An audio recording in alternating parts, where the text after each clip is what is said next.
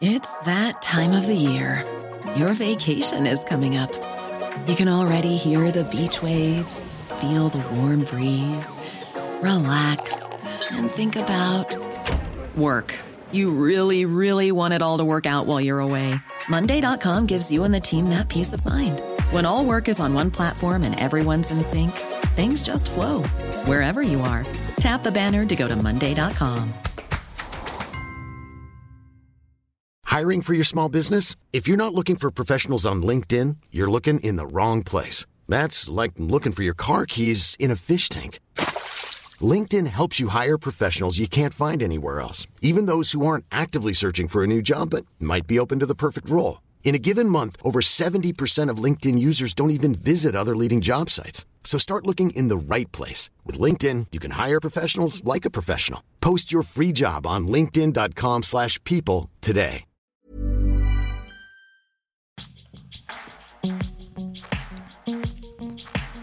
Hej! Ni lyssnar på Brottsofferpodden med Joakim Lindén Kastenbäck. Detta är avsnittet Vanessa och del två av två. Vanessa har nyss lämnat sitt ex och tillika förövare. Men hur går hon vidare efter att ha levt med denna i två år? Funkar det att bara släppa och leva livet som vanligt eller har åren med honom skapat konsekvenser som blir väldigt svåra att leva med? Detta och mycket mer kommer jag att prata om i de- denna sista delen av avsnittet Vanessa.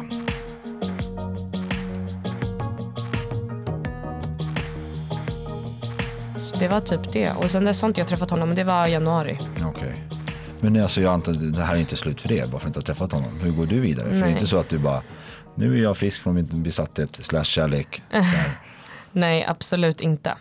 Alltså, eh, det som var tuffast efter det här var att jag var livrädd. Och jag vet inte ens vad jag var rädd för.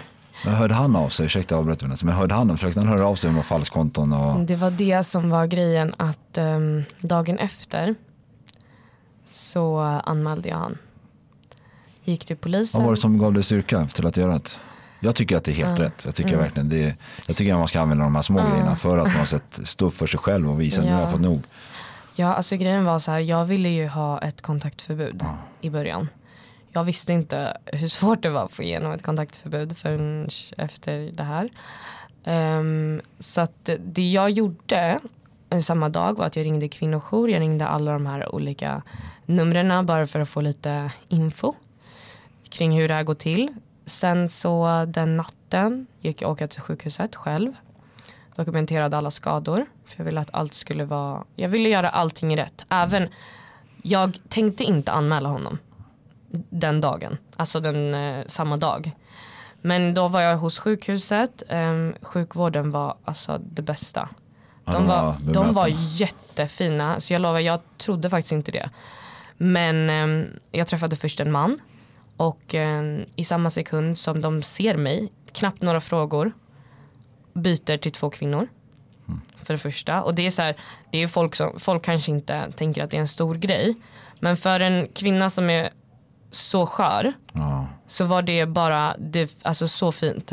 ja jag förstår. Ja, och att jag, de ville ju jag dokumentera skadorna. Och då måste jag också ta av mig kläderna och så. Vilket också är en, alltså just när man är så nedbruten så kan det vara jävligt jobbigt att behöva ta av sig framför en främmande man Ja, det är liksom. klart.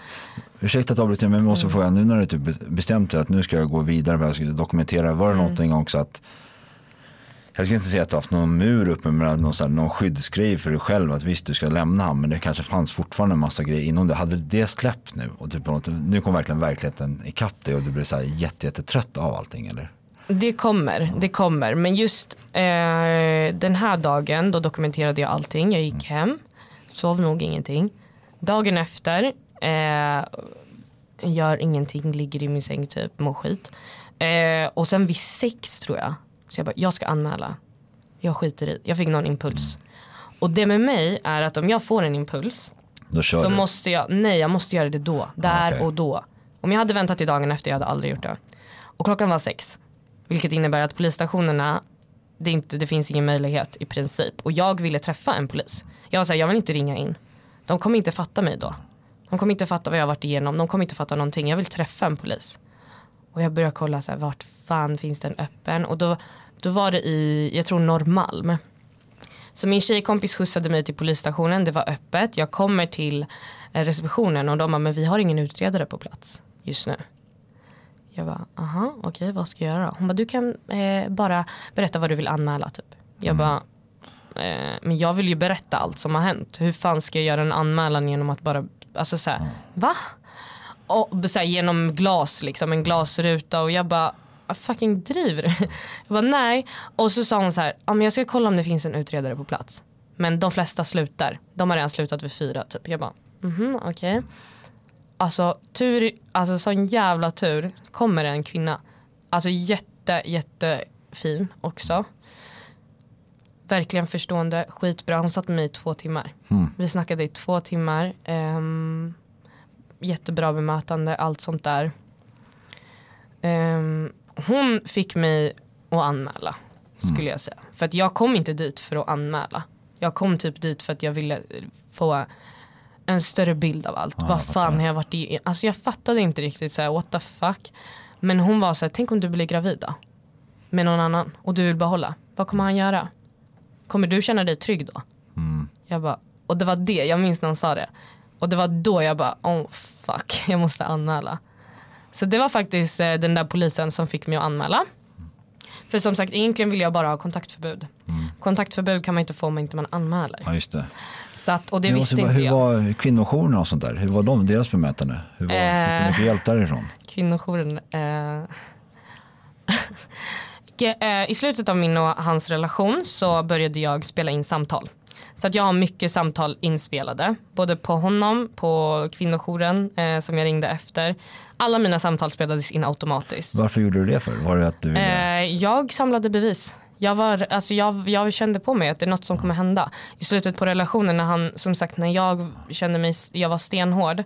Han vägrade ju, alltså han slutade inte förfölja mig. Alltså på ett eller annat sätt. Så att jag började bara om, någon, om han skulle göra någonting så vill jag att det ska finnas. Ja, det är skitsmart. Ja, och det är därför också som jag ville komma hit för att jag gjorde verkligen allt rätt. Mm. Alltså jag gjorde allt rätt.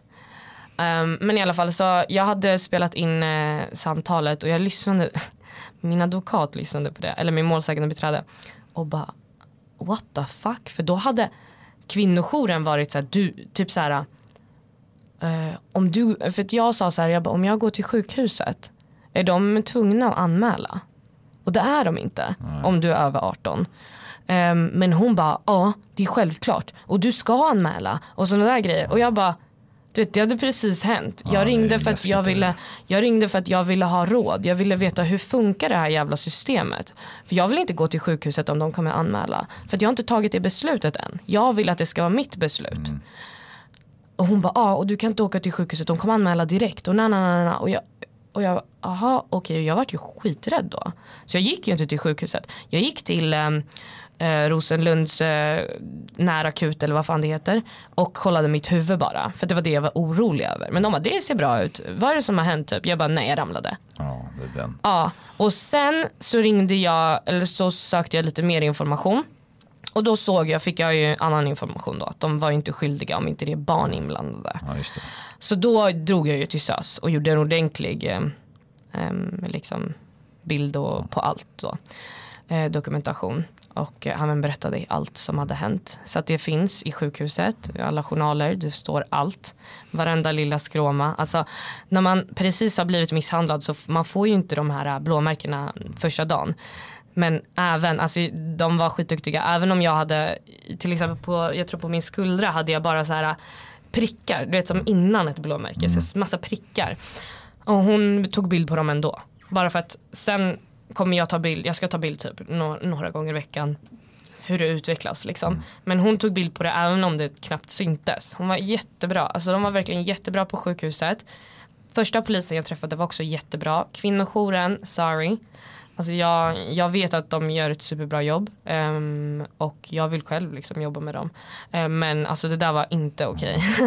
Okay. um, och det borde de veta. Alltså verkligen. Um, ah, vart fan var jag? alltså, men du gjorde en anmälan, den här kvinnan polisen fick det verkligen att förstå att du behöver en anmälan. Ja. Och då gjorde jag det eh, där på plats och det kändes skitbra. Kom därifrån vid åtta. Min familj visste fortfarande inte, ingen visste någonting. Ingenting? Ingen visste någonting, jag ville inte säga någonting. Vem hade du pratat med? Var den där tjejkompisen eller? Ja, den enda. Ehm, Hur var hon i det här? då? Hon måste ju, eller hon Ja. kanske är van med att du, nej, nej, nej, ingen var van. Alltså jag var väldigt tyst. Okej. Jag sa inte till någon någonting. Det var den här gången som det verkligen, alltså jag var rädd för mitt liv. Så då, då sa jag ju det. Men eh, hela veckan efter i princip, alltså jag var så jävla paranoid. Jag kunde inte gå ut, alltså det här låter så jävla ironiskt men jag hade en killkompis när jag var yngre som gav mig en busshammare. Jag gick inte ut utan den här busshammaren. Um, jag har ju hund så att jag var ju tvungen att gå runt i min liksom, närområde. Men jag tog bara så här fem minuter. Jag gick in, ut, in, ut, in liksom. Um, i hela den veckan, pratade inte med någon. Jag isolerade mig helt. Ehm, och det blev bara, jag blev bara mer och mer paranoid med tiden. Jag, eh, alltså jag gick ingenstans och om jag gick någonstans så var jag så rädd. Ehm, var du rädd för att han skulle komma liksom, och det det avsluta som det, är, han hade påbörjat? det är typ? det som är grejen att jag vet inte. Jag vet inte vad jag var rädd för specifikt utan jag var rädd hela tiden. Alltså jag stängde mina persienner. Jag vill inte att någon skulle, alltså jag tänkte så här, han kanske står och kollar typ så här. Om det är någon här. Och jag stängde mina persienner, jag stängde mina fönster, stängde mina gardiner. Eh, kollade så att det var låst typ 20 gånger. Eh, en gång så hörde jag att någon var i porten. Eh, det var någon som ringde mig med dolt när de hade sex eh, under den här perioden. Ehm, så att eh, det var, alltså det var, det var den värsta perioden i hela mitt liv. Och det enda jag tänkte var typ så här, alltså jag skakade hela tiden. Jag svettades, hjärtklappning hade jag hela tiden. Eh, jag kunde inte tänka. Alltså det var så här, jag, kunde, alltså jag glömde min eh, nyckel i dörren i princip typ tre gånger om dagen. Som tur är så har jag en fin granne som ringde mig. Ehm, Sen så, eh, min hund vart också jätteärrad så att varje gång jag gick så stod hon och grät. Så då ringde också mina grannar och bara, är det okej med din hund? Jag bara, ja sorry. Typ hon är lite stressad.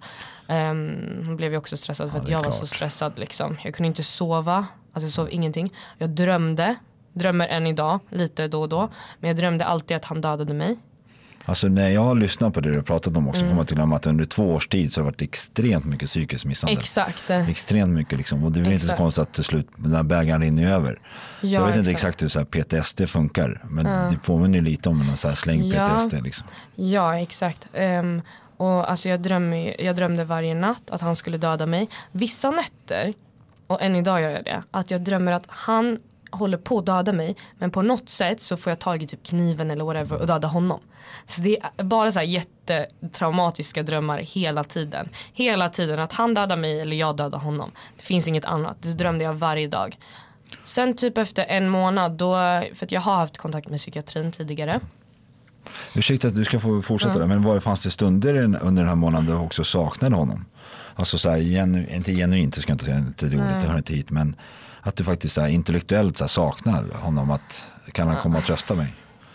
Nej, jag tror inte Nej. det. Det var, det var, det var bara, Ja, alltså när jag anmälde honom. Det är det för, alltså, jag tror inte folk förstår att anmälan gör man inte för den andra personen ska få ett straff. Eller det var inte det jag gjorde i alla fall. Utan jag gjorde det för att känna mig stark. För att känna så här, nu har jag sagt ifrån. Han är en liten förortsperson. Jag vet att han inte kommer förlåta mig. Jag vet att han inte kommer komma tillbaka om jag anmäler honom. Nu tar jag kontroll Ja, jag över den här situationen. du står upp för dig själv också. Ja, så det var ju för, ett skydd för mig själv. Eh, vilket är helt sjukt. Att jag tänkte så här, tänk om jag går tillbaka till honom efter det här. Ehm, och jag, men jag var så jävla alltså, nedbruten. Men jag kan säga efter att jag gjorde anmälan så saknar inte jag honom. Nej. Men det var den här anmälan. Det är styrkan i att anmäla. Det har inte att göra med, och det tycker jag att man, alla kvinnor ska veta som har varit igenom det här, att det har inte att göra med att den andra personen ska få ett straff. Eller att, alltså, det är klart att jag önskar att han skulle fått det. Men, men det var inte därför jag gjorde det. Utan han mår dåligt nog själv. Han kommer, alltså han, jag vet att han mår skit inte för det han har gjort mot mig men generellt, han mår skit. Han har inget bra liv. Det är straff nog. Men för mig så var det så jag måste anmäla för annars kommer jag aldrig komma vidare. Det var som att det är omöjligt för mig att gå vidare. Det går inte, alltså jag var fast. Jag var fast i en situation som var helt orimlig att leva i. Alltså jag visste inte liksom, kom, tänk om jag kommer ta tillbaka honom igen. Och det låter sjukt men alltså jag var så här, jag är fast. Alltså jag måste på något sätt göra någonting som gör att man klipper det här. För det var verkligen som ett beroende. Du tog kontrollen över situationen genom ja. att göra det. Mm. Ja, skitbra. Det var så det kändes. Ja. Så att, um, ja. Sen så tog jag kontakt med psykiatrin i alla fall. Um, och uh, de har också bemött mig så fucking bra. Ja, skönt, skönt. Uh, jag trodde att, du skulle säga något annat. Nej, nej. alltså jag har, jag har varit i kontakt med psykiatrin sedan eh, jag var 12. Och har Alltså jag har hatat dem. Nej, jag, ska, jag tyckte de var jävligt dåliga om man säger så. Och det behöver inte man gå in på varför men jag tycker att det varit väldigt svårt att få hjälp. Och mycket medicin men ingen behandling. Liksom, eh, I princip, kort sagt. Um, nu när jag kom dit, jag sa, alltså jag grät, jag ringde hej jag kommer ta självmord. Jag mår skit. Om inte jag får hjälp idag så kommer jag gå och hoppa. så kändes det efter att vi hade gjort slut. Eh, inte för att jag ville ha tillbaka honom utan för att jag höll på att bli galen. Jag kunde inte sova, jag kunde inte gå ut, jag kunde inte andas. Alltså när jag andades kändes det som att man andas in ångesten, andas ut ångesten. Alltså min ångest var så stark att det kändes som att Alltså jag vet inte, min, min ångest ligger i alla fall i min andning um, och i mitt bröst. Alla har det olika, liksom. vissa har det i magen, vissa har det i huvudet. Mitt ligger i mitt bröst, i min andning. Och um, det var bara så här, jag andas ångest. Jag pallar inte mer. Jag, jobbig. Ja, alltså så kändes det. Och jag kunde inte gå ut, jag kunde inte ta hand om någonting. Alltså det var verkligen så här, ja. Um, så jag sa det till dem. Jag, jag, jag har blivit misshandlad, jag behöver hjälp, jag behöver medicin. För tidigare hade jag varit såhär, jag vill inte ha medicin. Men nu var jag såhär, ge mig allt. Snälla ge mig bara allt, jag orkar inte. Eh, och de gav mig en eh, tid väldigt snabbt. Ja, de gav mig en tid väldigt snabbt. Eh, vi pratade, jag fick antidepressiva, fick träffa en superfin eh, psykolog eh, en gång i veckan. Eh, jag fick även så här, från SÖS, där jag, de tog bilder, fick jag så här, kura, akutpsykolog tror jag det heter. Så att jag fick även prata lite med henne men det är ingenting som man har under längre tid utan jag tror man har det typ tre gånger bara. Eh, men nu fick jag någon som jag kunde prata med under längre tid, en gång i veckan. Jag fick antidepressiva, jag fick eh, Atarax mot ångesten som är så här vid behov. Eh, jag fick eh, eh, en, ytterligare en utredning. Um, eller jag tror att jag, jag hade den utredningen tidigare. Jo, jag hade den tidigare. Jag fick ju borderline. Mm. Vilket är, eh, heter inte så igen, just nu, förlåt, jag sa fel, emotionell instabil personlighetsstörning heter det nu. Vilket man utvecklar eh, genom trauman i princip. Mm. Um, så att den här uh, relationen um, fuckade riktigt mycket med min hjärna. Men inte bara den, jag tror också mycket från min barndom och lite sånt. Jag har ju haft tendenser destruktiva tendenser tidigare. Men, men nu fick jag i alla fall den här utredningen lite, några månader innan tror jag den här sista händelsen. Så att ehm, de, när jag berättade allt det här så att eh, påskyndade de eh, själva behandlingen till den här, den här diagnosen som jag har fått. Då. Mm. Eh, för den här diagnosen är ganska, kan vara ganska farlig. Alltså, för att man går väldigt mycket upp och ner. Det finns inget mellanläge liksom och lite sånt. Eh, och man kan göra väldigt destruktiva grejer. Var det skönt att få det typ eh, dokumenterat? Skönt att få någon? Eh, alltså jag har ju haft ADHD sedan tidigare. Jag har förstått att jag har andra problem. Eh, men jag skiter faktiskt i diagnosen egentligen. Det jag alltid har velat ha det är en behandling. Mm. Och behandling krävs diagnos vilket är skitdåligt. Men jag är glad att jag fick diagnosen för att idag så är jag, eh, genomgår jag en DBT-behandling. Ja. Vilket är kognitiv beteendeterapi, det är gruppterapi, det är individuellt alltså det är, och det är typ minst ett år. Ja. Så det är verkligen en grundlig behandling med traumabehandling, allt, allt, allt, allt är Det är liksom. jättebra verkligen, speciellt ja. när man har relation. Ja, exakt. Så att jag är skitglad och det är det enda jag har velat ha nu, nu tar jag även medicinering um, vilket har hjälpt mig. Men tidigare har jag känt att så här, jag vill börja med en behandling. Uh, men nu eftersom jag var så jävla på botten så var ju mina antidepressiva som en livboj för mig. Ja, och det var det bästa jag alltså, gjort. Jag uh, ångrar inte alls att jag började. Men just tidigare så var jag inte kanske så lågt. uh, så jag ville gärna testa behandling men fick aldrig någon behandling. Um, förrän jag fick då den här diagnosen. Då sa de till mig så här, men du kommer få en DBT-behandling för den här diagnosen men, men det är lång väntetid. Och sen när allt det här hände så påskyndades det lite grann. Um, så nu har jag varit i orienteringsfasen vilket är den första fasen Mm. ganska länge men det är för att det är en så stor behandling så de vill ha ganska mycket information innan man börjar. Jag fattar. fattar. Ja, men eh, så det är väl där jag är nu. Jag träffar, jag går eller den här orienteringsfasen en gång i veckan. Kommer börja med DBT väldigt snart och jag mår mycket bättre. Ja, det är skönt att höra. Du ser ändå ut att att på något sätt äga din historia. Ja, ja, ja. Så att, och det, jag ska inte säga det är jättelätt för mig att sitta och säga. Jag, har ju också mina skelett i garderoben och mina historier som kanske äger mig lite smått. Men i det stora hela så äger jag det mesta. Ja. Så här, och man ska inte, jag ska inte sitta och vara kaxig och säga att det bara äger en historia. För det jag en behandlaren, alltså förstå allting. Så här. Ja. Men det ser ut att verkligen på något sätt äga en historia. Ja. Det är skönt att se. Verkligen. Men jag måste få så här, äger han fortfarande plats i ditt huvud på något sätt? Här, ute, är du fortfarande rädd för honom? För det var inte så jättelänge sedan. Nej, det är ju så här just nu att eh, han sitter inne igen. Ja, han gör det, okej. Ehm, inte för det jag har gjort, eller för han, förlåt, det han har gjort mot mig utan en an, något annat, jag vet inte vad det är.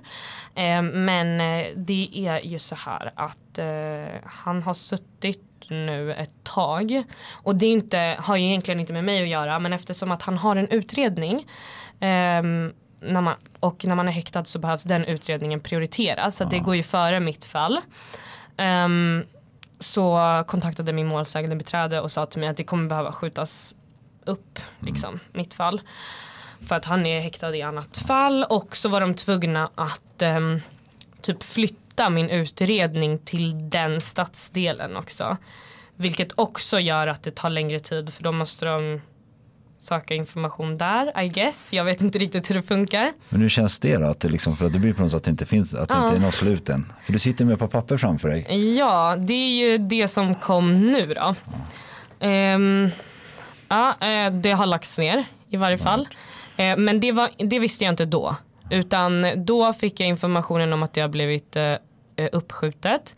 Och redan då hade det typ gått fyra månader, sex månader. Alltså det hade gått lång tid. Det var kanske ja, men sex månader redan. Och då de bara, det kommer skjutas upp. Så att det var liksom, vad fan, alltså det har redan gått sex månader, ni borde fan vara klara med det här, tänker jag. Alltså jag, som jag har berättat till dig, nu har det gått åtta månader, som jag har berättat till dig, helt otydligt. Ska jag sitta och berätta det så i rättegången? Jag minns ju fan ingenting längre liksom. Det är helt sjukt. Så, ja, um, så jag, fråga, jag har ju frågat min målsägande beträde typ en gång i månaden. Om inte hon hör av sig så har jag sagt ja ah, men hej, eh, hur går det, hur går det? Hon har alltid sagt så här, det, jag har inte fått information, ingen information och sen den här gången sa hon att det blivit uppskjutet. Och då har It's that time of the year. Your vacation is coming up. You can already hear the beach waves, feel the warm breeze, relax, and think about work. You really, really want it all to work out while you're away. Monday.com gives you and the team that peace of mind. When all work is on one platform and everyone's in sync, things just flow wherever you are. Tap the banner to go to Monday.com.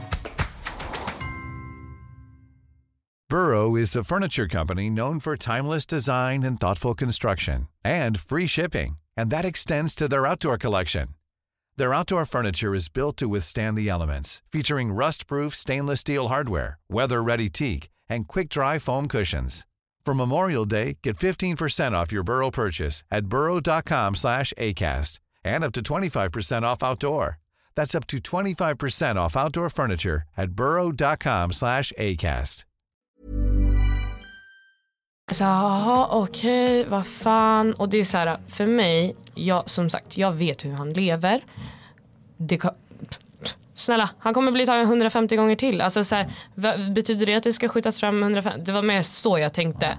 Så tänkte jag mest när, när jag fick den här informationen. Sen så vet jag ju också att gör man flera olika brott som man är misstänkt för bakas allt in och det blir ännu lägre och det är så här what the fuck. Och jag, redan, redan när jag hade anmält så tänkte jag så här ehm, jag, det här kommer inte bli någonting, skitsamma, alltså så, jag vet men jag ska ändå anmäla. För att det blir, alltså det, är så här, det blir i princip aldrig någonting när det gäller kvinnor. Det är jättetråkigt att höra dig säga så, men jag tror att du är inte den första som säger det till mig heller i, i, i sådana situationer. Nej, men jag, som sagt jag anmälde ju ändå och jag gjorde allt rätt. Alltså jag gjorde allt rätt. Jag hade inspelade samtal, jag dokumenterade hos sjukhuset, jag berättade allt på sjukhuset, jag, berättade, jag gick till polisen dagen efter, det är väldigt nära inpå.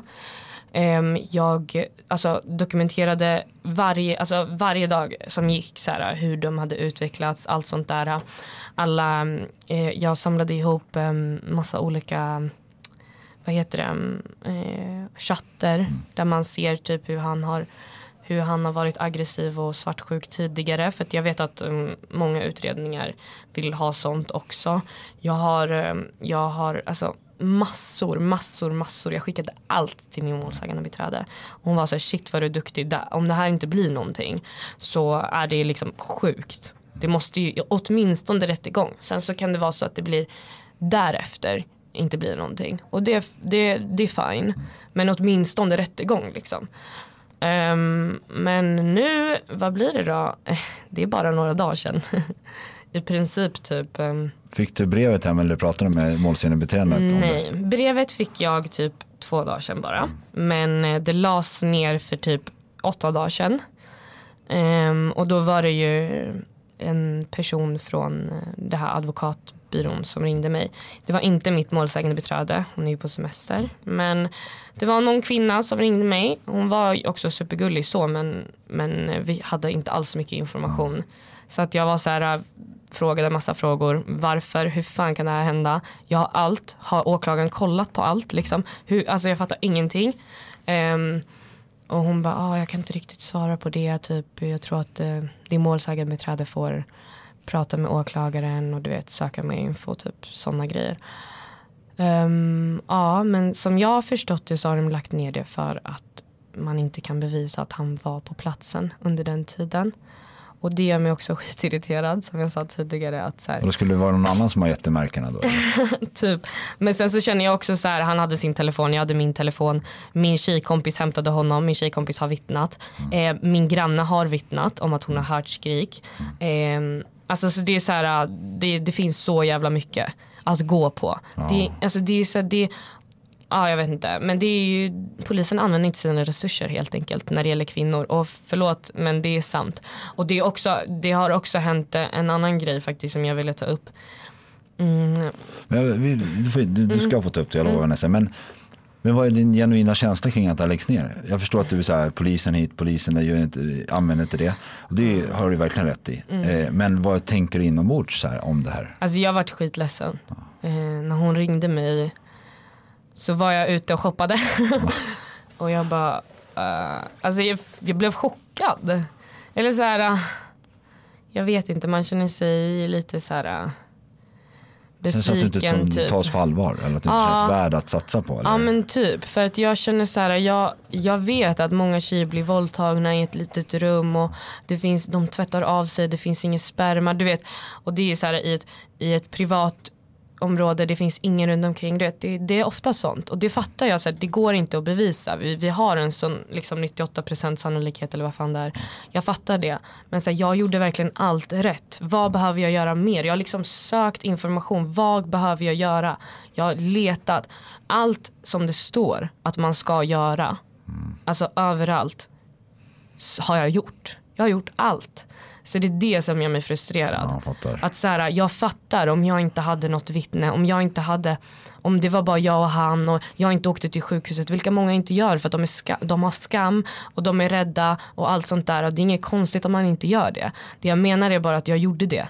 Det finns mm. ingenting någon kan säga till mig som jag inte har gjort. Mm. Jag har gjort allt. Jag har spelat in samtal från en månad tillbaka innan det här. Det finns liksom alltså, samtal där han berättar hur han hur han har um, gjort vissa grejer mot mig tidigare. Det finns samtal, alltså allt finns. Allt finns. Det är det som gör mig så jävla frustrerad.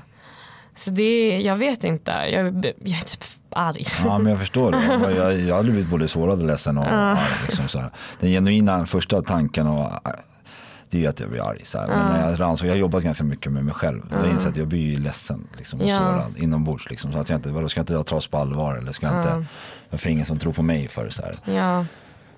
Alltså, jag tänker inte, jag vet att eh, som man kanske man tänker varför är det ingen som tror på mig.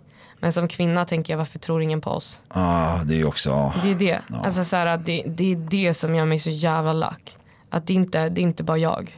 Det är så här, jag, jag, jag har ingen kvinna i min familj och vi är bara tjejer som inte har blivit misshandlade av en man. Och det har, fått, det har gett mig glöd. Och vilja jobba med allt det här och allting innan den här personen liksom.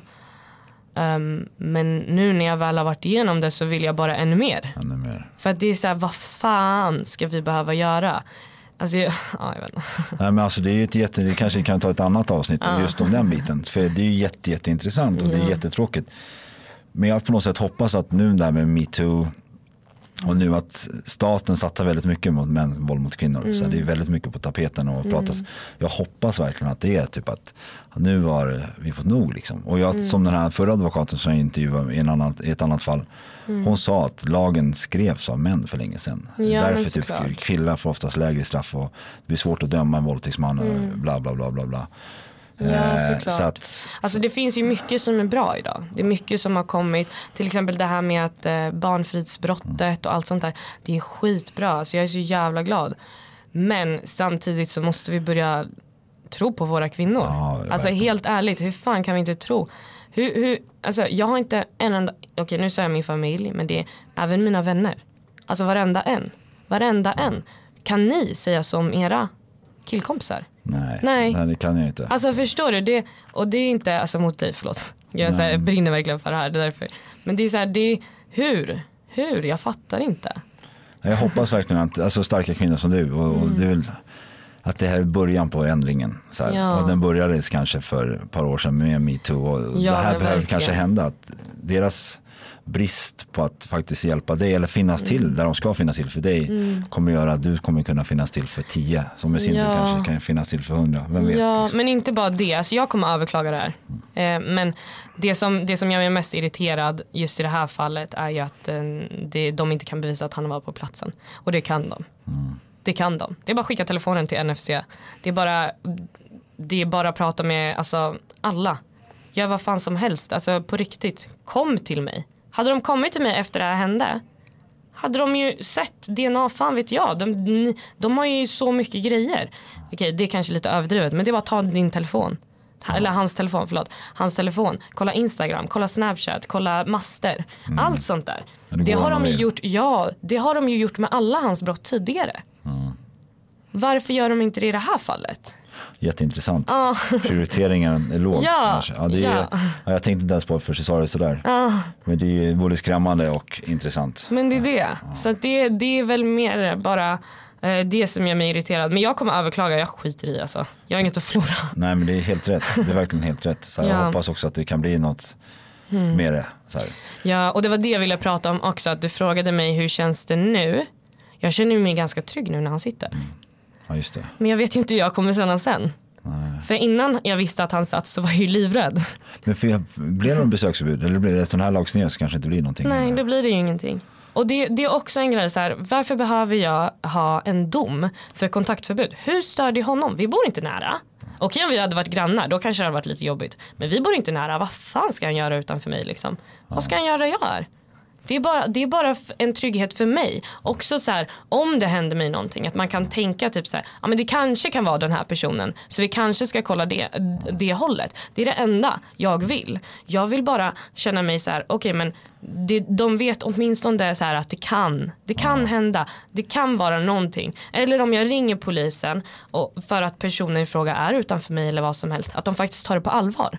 Nu, om jag ringer vad ska de, och jag säger, och säger ja men den här personen är utanför mig. Okej, varför? Finns ingenting nu. Nej, Alltså vad ska de kolla på? exakt. Vad fan ska de kolla på liksom? Jag vet inte, det gör mig så frustrerad bara. Ja, jag förstår det. Jag Och, förstår det. jag, och som sagt jag mår ju mycket bättre idag och jag tränar och jag har kommit tillbaka, jag, jag går upp på morgnarna, jag jobbar, alltså jag ska börja plugga, jag är skitglad. Men samtidigt så är jag så här, hur fan ska jag må när han släpps? Finns och någonting hur- som skaver? Ja, hela tiden. För att jag, jag var ju livrädd innan jag fick reda på att han satt. Sen fick jag reda på att han satt. Och då kändes det så här, "Uff." det är för att jag var inte, innan det så var det var inte, jag vet inte vad jag var rädd för. Men som sagt jag var rädd hela tiden. Sen så satt han, nu har jag blivit lugn. Och någonting som jag har tänkt på är typ så här om jag går ut och han är där. Ja, alltså det är min största rädsla. För jag tror inte att nu efter, efter anmälan och allting att han ska försöka söka upp mig på något sätt. Men om vi råkar se varandra, det är det jag är rädd för. Så jag vet inte. Ja. Mm. Jag vet inte vad jag ska svara på det. Jag förstår, jag hade varit rädd med tanke på att nu har du berättat lite om, om, om, om honom. Nu ska jag inte skrämma Mm. upp det alltså, men det är klart jag omedvetet hade varit det. Liksom, Mm. När man inte har kontroll över situationen. Exakt, exakt. Så det är ju så liksom. Ja, Mm. men jag hoppas att de, de kommer ta tag i det igen då och du kan få ett besöksförbud. Vad säger målsäganden? Du har inte pratat med henne, hon är fortfarande borta. Det är ju det, ehm, ja det verkar som det. Jag, det jag har fått till mig i alla fall att hon ska höra av sig när hon är tillbaka. Och det hoppas jag att hon gör. Hon är ju väldigt, alltså hon är duktig liksom. Så att jag, jag tror att hon kommer göra det och vi ska nog förmodligen överklaga, tror jag. Ehm, för att jag har ju ändå ganska mycket bevis, tycker jag. Ja, men det tycker jag också. Har han försökt höra av sig medan han sitter den här gången? Nej, Nej. ingenting, ingenting. Jag har inte hört någonting förutom att han eh, skrev till min mamma. Ja, Em, några dagar efter det här, eller någon vecka efter. Så, nej inte några dagar. Det tog för mig typ två veckor eller och en halv vecka att berätta för min familj. Eh, och då berättade jag och min mamma, det första hon gör är en puls och jag blev jävligt arg men jag förstår och jag älskar henne för det ändå. Ringde hon upp honom, du ska inte kontakta Vanessa mer liksom. Och då säger han bara så här, ah, jag vill inte ens ha med henne att göra, det är hon som hoppar på mig typ. Och min mamma bara blipp. Alltså hon, hon, hon, min mamma är inte heller efterbliven liksom. Um, och då så, eh, vad fan var det som hände? Ja ah, just det, då skickar han en jättelång text om hur jag har hoppat på honom och så vidare och så vidare. Och så skickar han en bild på sig med så här, två rivmärken typ. Eller någonting så här. Och jag har jättelånga naglar. Eh, vilket jag alltid har haft. Jag älskar ju naglar så jag har jättelånga naglar så det är inget konstigt. Alltså för mig är det bara ytterligare ett bevis. på att du försvarat det. Liksom. Ja exakt för det, det är ju det som är det äh, ja, Jag har ju läst på som fan Mm. efter allt det här för att förstå mig själv och förstå allt runt omkring. Men det vanligaste eh, som en man har på kroppen när personen i fråga har misshandlat en kvinna är det rivmärken. Eh, Och det är i princip hela tiden. Och min mamma svarade inte på det men då var det så ganska djupa ändå grova typ så i ansiktet. Två stycken eller någonting sånt. Och då skickade han dem och bara det var Vanessa som hoppade på mig typ. Och en jätte, jättelång text, typ så två, två sidor. Oj. Och det var det sista vi hörde då. Eller jag hörde. Det var inte till mig som sagt, det var till mamma. Men ja, det var sista gången. Skulle du kunna förlåta honom? nej, Inte? nej. Om vi leker med tanken att, att det är han som sitter där jag sitter. Så här, han behöver inte se dig säger vi, men han hör det du säger. Så här, han har ingen möjlighet att svara. Vad skulle du vilja säga till honom? Ja, du bara får prata utan att han stör dig. Vad skulle du få honom Alltså jag skulle, helt ärligt så har jag ingenting att säga. Ingenting, du vill inte ha med henne att göra? Ingenting. Nej, alltså jag vill inte ens ha ett förlåt av honom. Faktiskt inte. Jag känner inte, alltså så här, jag eh, känner inte något. Skönt. ja. Vad skulle du vilja säga till andra i, i ungefär samma situation? Så här, alltså, vi säger innan det precis. Mm. Nu har du sagt att du redan såg varningssignaler ganska tidigt. Och så när du tittar tillbaka. På, men så här, Mm. finns det något annat typ man? Alltså det jag skulle säga är bara att ta varningssignalerna på allvar. För att jag gjorde inte det. Alltså jag såg dem men jag tänkte så här, ja men det är väl, det är bara något typ. Um, och uh, om en person är på ett sätt när den är påverkad, ta det också på allvar. För att även om en person är påverkad så så det kan ju vara, alla blir olika liksom. Vissa blir bråkiga, vissa blir um, eh, vad heter det, helt slöa, liksom, inte pallar snacka. Alltså du vet, alla blir olika men det är ändå, det är ändå i, i vissa fall ett beroende, i andra fall är det något typ av aggressionsproblem, fan vet jag. Men ta det också på allvar när det är under påverkan. För att vadå, den här personen ska aldrig använda någonting då eller? Om det bara är under det. Och det är ing- ingenting du kan bestämma heller. För att äh, vare sig det är ett beroende eller inte så måste den personen själv bestämma sig för det. Det är ingenting du kan bestämma åt den. Eh, ja, det är väl typ det. Om jag måste prata om skam och skuld också, så här, hur mycket sånt har du känt? Eh, jag har Eller om du har känt sånt? Jo men jag har känt jättemycket skuld och skam under relationen. Eh, jättemycket. Alltså varje dag, hela tiden. Har alltid trott att det är någonting, inte fel på mig men jag är typ så här, men eh, om jag kanske gjorde någonting lite annorlunda eller om jag kanske inte skrek så högt. Eller, för att som sagt jag har alltid varit en person som säger ifrån. Jag har aldrig inte sagt ifrån. Och då har jag alltid tänkt att det är jag som triggar honom att göra vissa grejer. Eh, så att, eh, ja, jättemycket. Även skuld att jag bara, alltså gentemot mig själv. Alltså hur fan kan jag ta tillbaka han? Hur kan jag inte, hur kan jag inte vara, alltså jag var så svag och jag såg det utifrån. Men jag visste inte hur jag skulle ändra på det. Men tror du att det är svaghet?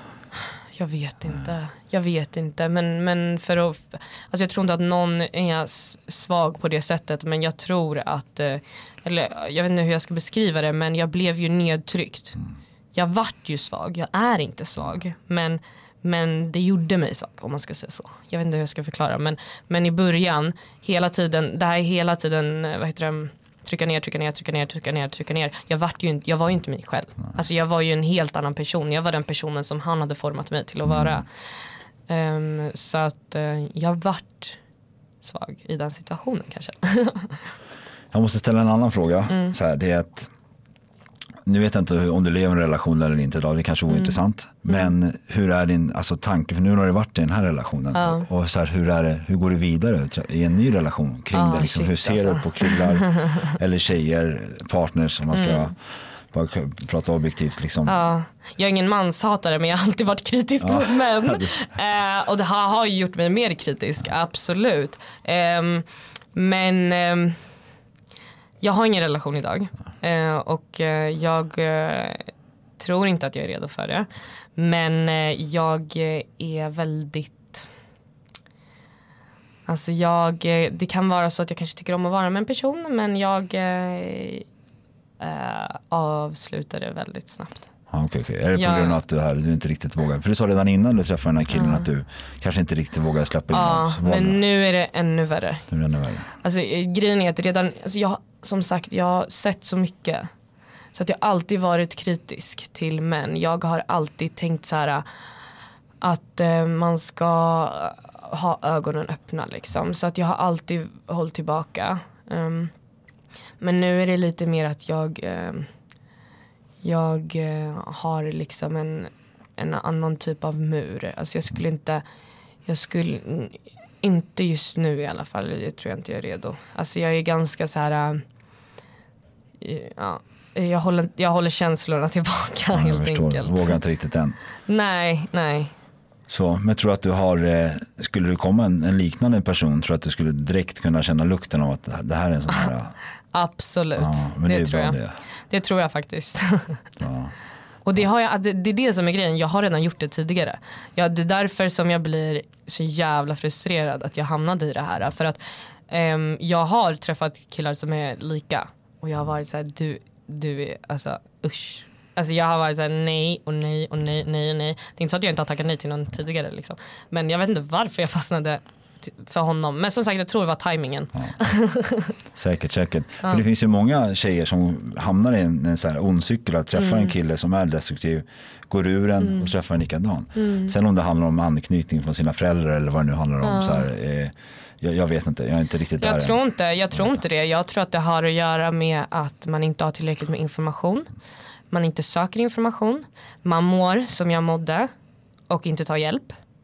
Eller inte får hjälp. För det är många som inte får hjälp. Det kan också vara någonting att de tog mig väldigt seriöst när jag sa att jag blivit misshandlad. Men det finns ju folk som blir psykiskt misshandlade och inte får hjälp för att de är så de, man kan, när man blir psykiskt misshandlad, man kan inte riktigt sätta ord på det. Man kan inte, det är väldigt svårt att ta på.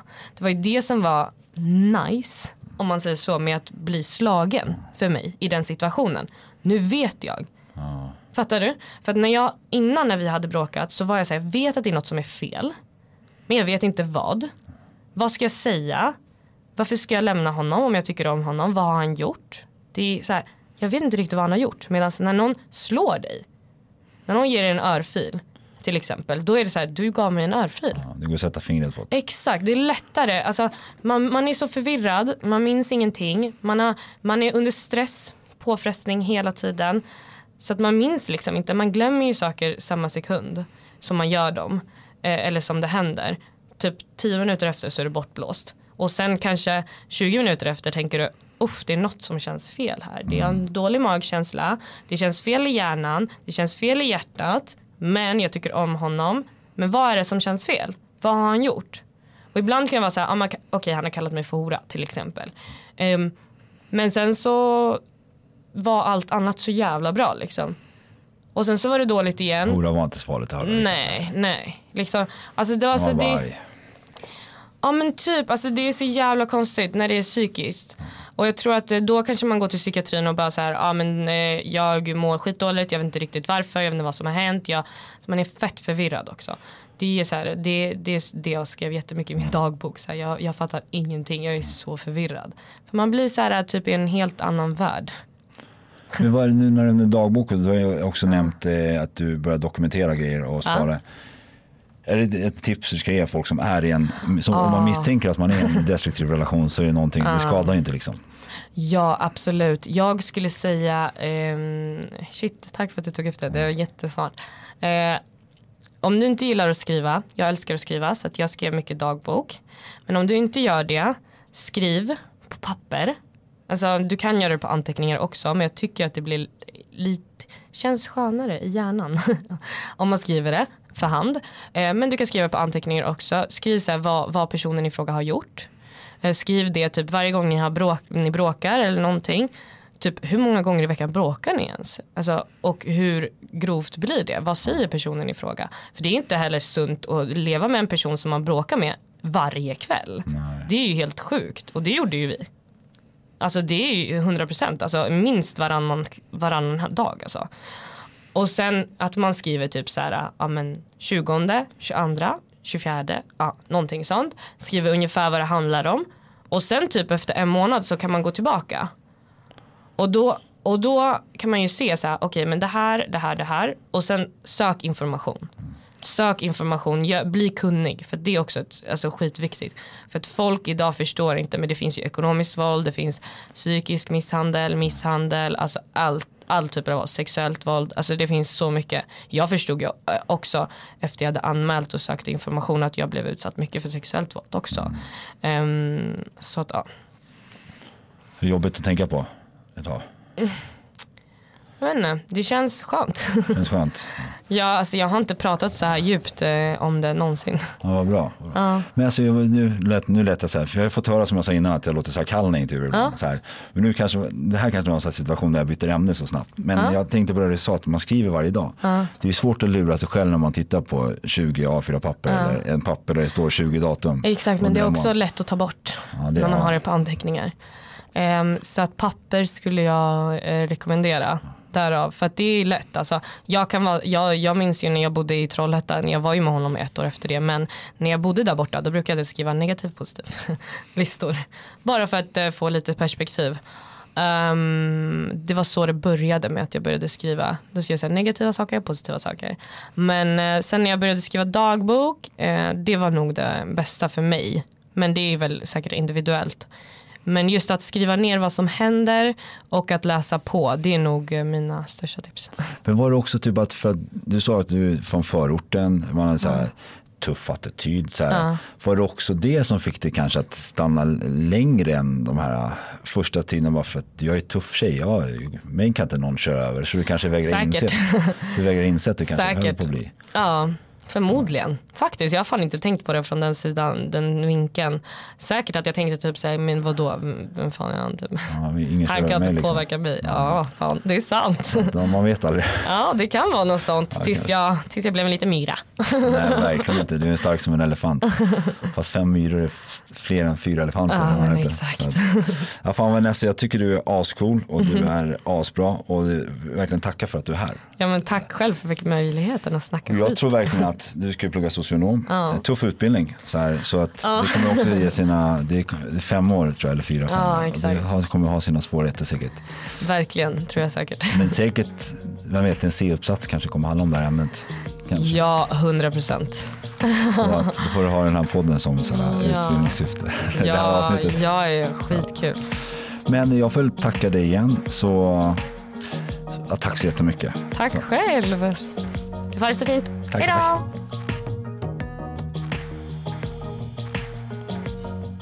Så där, då har ni lyssnat klart på de här två delarna, två delarna av Vanessa. Jag vill återigen tacka henne för att hon ställde upp med denna intervjun. Jag önskar henne all kärlek och lycka till i framtiden. Eh, som vanligt vill jag rekommendera alla att följa oss på Instagram och Facebook under namnet Brottsofferpodden. Och vill ni med någonting, dra iväg ett mejl på eh, brottsofferpodden at gmail.com. Och som vanligt vill jag önska er en fortsatt fin natt, kväll, morgon, dag eller vad nu klockan är när ni lyssnar på det här. All kärlek till er. Historia som berättas har satt sina spår